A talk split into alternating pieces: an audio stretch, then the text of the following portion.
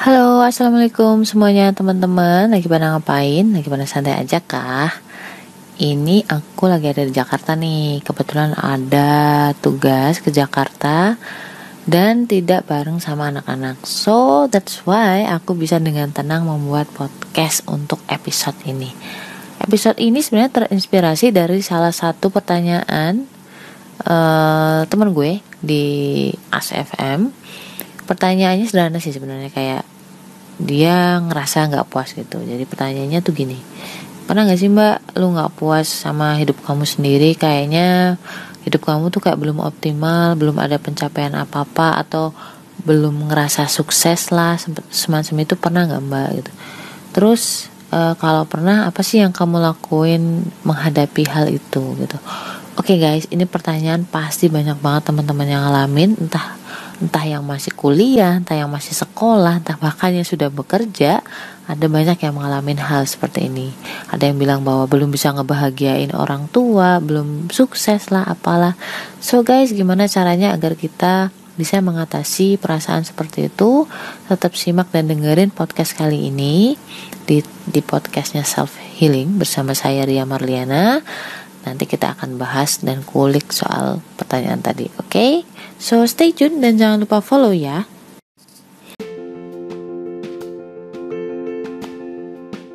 Pengen naklukin diri sendiri atau pengen naklukin hati golongan darah B, wajib banget baca. Jangan deketin golongan darah B sebelum miliki buku Beauty in Abyss ini tenang aja karena bahasanya tuh bukan yang ilmiah-ilmiah banget. Ada cerita, ada narasi tapi nggak sepanjang novel-novel drama atau sastra. Cuman 25 ribu. Link pembelian terlampir nih.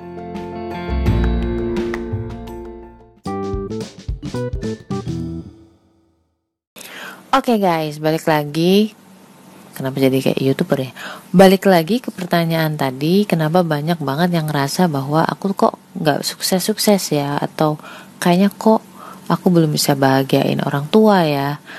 Sepertinya kayak sebenarnya gini kalau kita uh, runut lagi itu sebenarnya kita sedang dalam fase atau masa yang lelah sebenarnya. Jadi kayak kamu lari atau punya tujuan dan kayak kok nggak sampai-sampai sih? gitu loh. Kok lama ya? gitu. Kamu mulai meragukan uh, diri kamu sendiri gitu wajar karena memang e, manusia itu sebenarnya tempatnya apa ya kayak salah, tempatnya lupa, tempatnya mengeluh seperti itu. Itu manusiawi banget kok dan tenang aja. Semua hampir semuanya pasti pernah ngalamin seperti itu.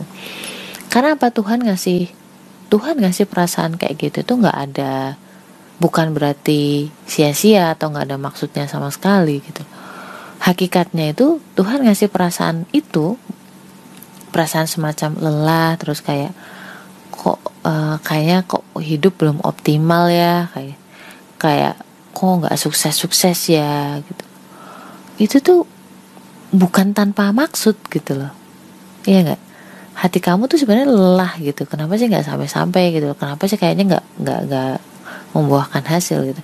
Bukan berarti kamu nggak bersyukur atas semua yang kamu lalui kamu dapat gitu. Tapi memang hati kamu sedang dalam tahap lelah.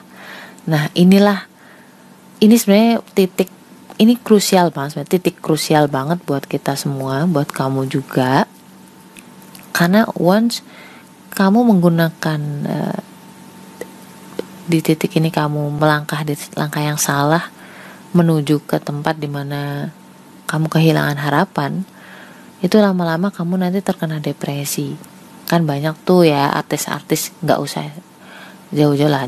Artis kalian yang di Korea itu di berbagai negara lain di Barat sekalipun yang mengalami depresi dan akhirnya bunuh diri kan gitu. Ya makanya ini titik poin penting banget eh, dari hidup kamu. Jangan sampai kamu salah melangkah di titik ini kamu sedang dalam uh, dua cabang atau dua pilihan. Yang pertama adalah merenungi atau semakin baper, semakin kamu menggunakan perasaan lelahmu tadi itu dengan uh, tidak bergerak atau tidak berbuat apa pun. Itu yang semakin membuat kamu galau seperti efek bola salju yang hanya akan blunder terus-terusan kayak gitu semakin besar semakin besar. Kamu semakin gak bergerak semakin males ngapa-ngapain. Dan akhirnya galau lama-lama depresi. Dan ya kalau udah depresi mau diomongin dibilangin kayak apa juga susah. Dan ada di sisi lain salah satu jalan adalah dengan aku tahu posisi kayak gitu tuh posisi kamu ragu dengan diri kamu sendiri gitu loh.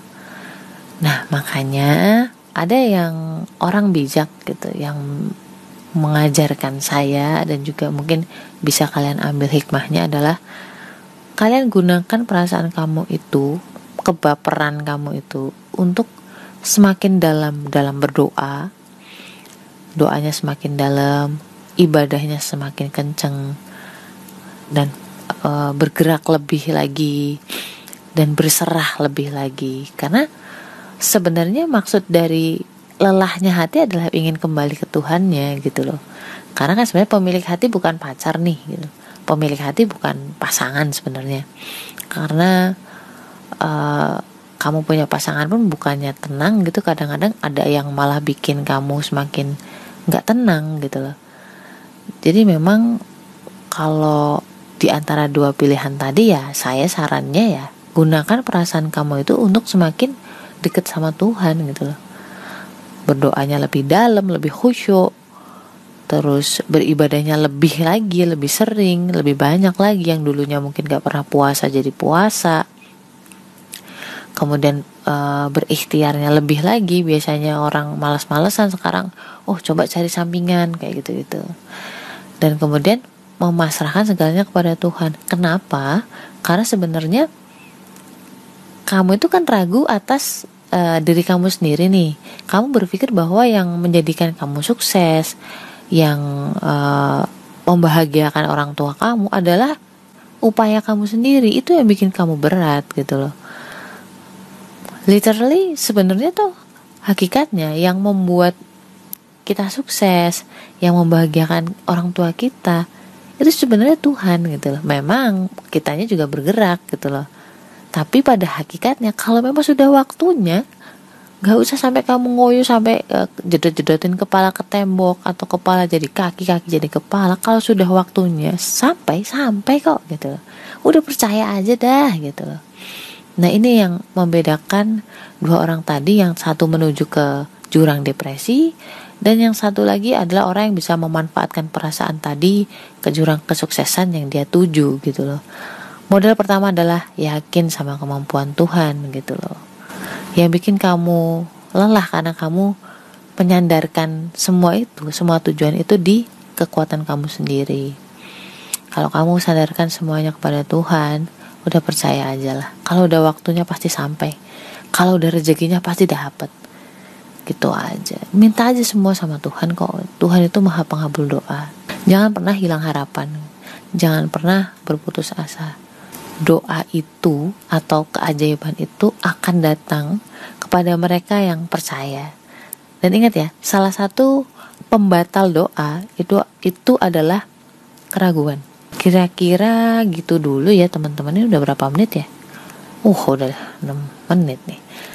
Semoga apa yang saya sampaikan ini bermanfaat dan bisa menjadikan kita lebih kuat dan lebih dekat sama Tuhan.